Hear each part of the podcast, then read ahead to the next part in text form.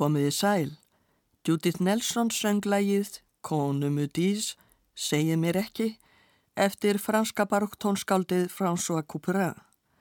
Hljómsveit Forntónlistar Akademíunar, Academy of Ancient Music, leik undir stjórn Kristoffers Hogwood, einleikari á fýðlu var Mónika Höggett. François Couperin fættist í París 1668 og dó 1733. Tónlistarkennari hans var Jacques Denis Tomelin, hirðorganisti og árið 1682 tók Couperin við af honum og varð organisti við hirð Lóðvíks 14. frakkakonungs. Couperin samdi mikið fyrir sembal, helsta hljómborðsljóðfæri þessa tíma, engum svítur sem hann kallaði ordr eða raðir en einnig kammerverk og söngverk. Bach dáðist að verkum hans og Couperin hafði einnig mikil áhrif á síðari tíma tónskáld. Franski seljuleikarin Paul Bazuler fættist rúmum 200 árum síðar en Couperin árið 1886 og lést 1958. Hann útsetti nokkur smáverk eftir Couperin svo úr varð svíta fyrir cello og piano kölluð du concert, konsertþættir. Við heyrum nú þessa svítu leikna á cello og hörpu. Þættirnir eru fimm, fyrst kemur Preludia, þá Sicilien, Sikilegarlag, þriðji þáttur heitir La Tromba, Trompetin, fjórði þáttur Plant, Kveinstafir og fymti þáttur Er du Diabl sem þýðamætti Skollasöngur. Það er Gunnar Kvarans sem leikur á cello og Elisabeth Vóge sem leikur á hörpu.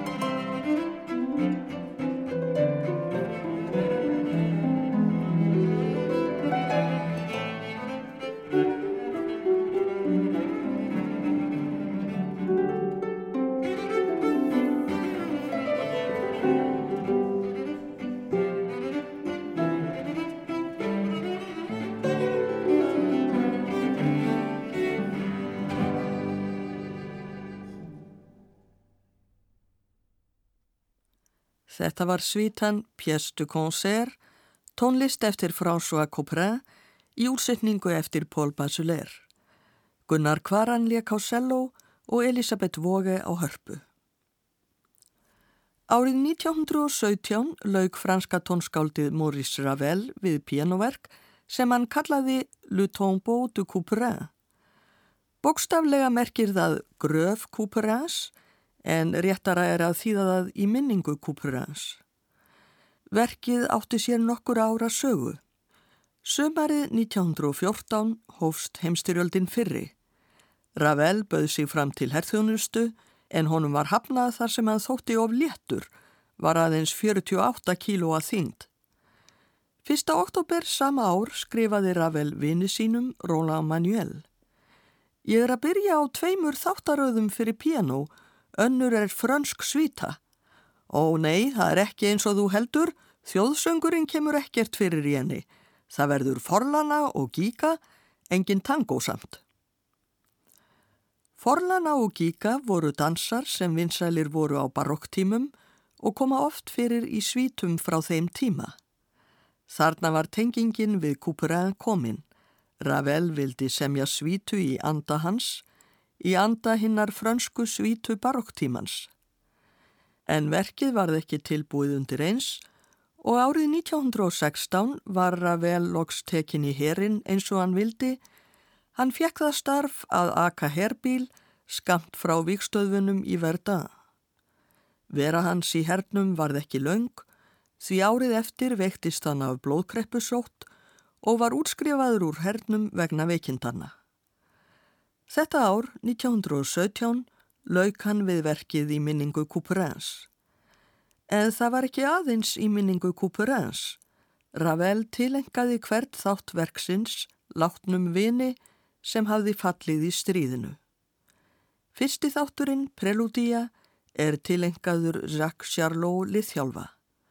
Annar þáttur, Fúga, er tilengaður Jean Crupi. Þriði þáttur, Forlana, er helgaður Gabriel Duluc Lithjálfa.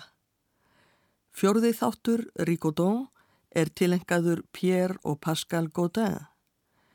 Fymti þáttur, Menuett, helgast minningu Jean Dreyfus og sjötti þáttur, Toccata, er tilengaður Joseph de Marliave höfðsmanni. Joseph de Marliave var tónlistarfræðingur sem fjall snemma í stríðinu 24. ágúst 1914. Kona hans var Marguerite Long, þektur pianoleikari og það var einmitt hún sem frumfluttu verkið Le Tombeau de Couperin 11. april 1919 í Gavó-salnum í París. Það er Anne Kefelec sem hér leikur verkið í minningu Couperins, Le Tombeau de Couperin, eftir Maurice Ravel.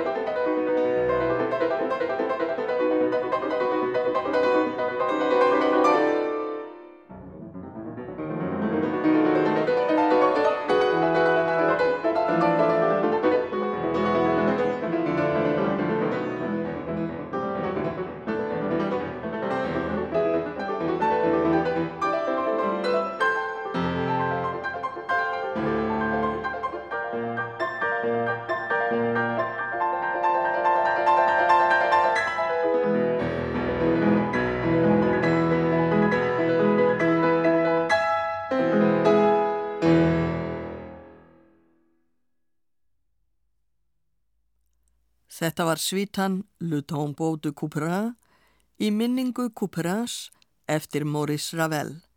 Anne Kefelec lék á piano. Við heyrum að lokum smáverk eftir Couperin sjálfan. Angela Hewitt leikur þáttinn La Petite Pince en Rire, Sú launhæðna eftir François Couperin. Ég þakka hlustendum áhengina, veriði sæl.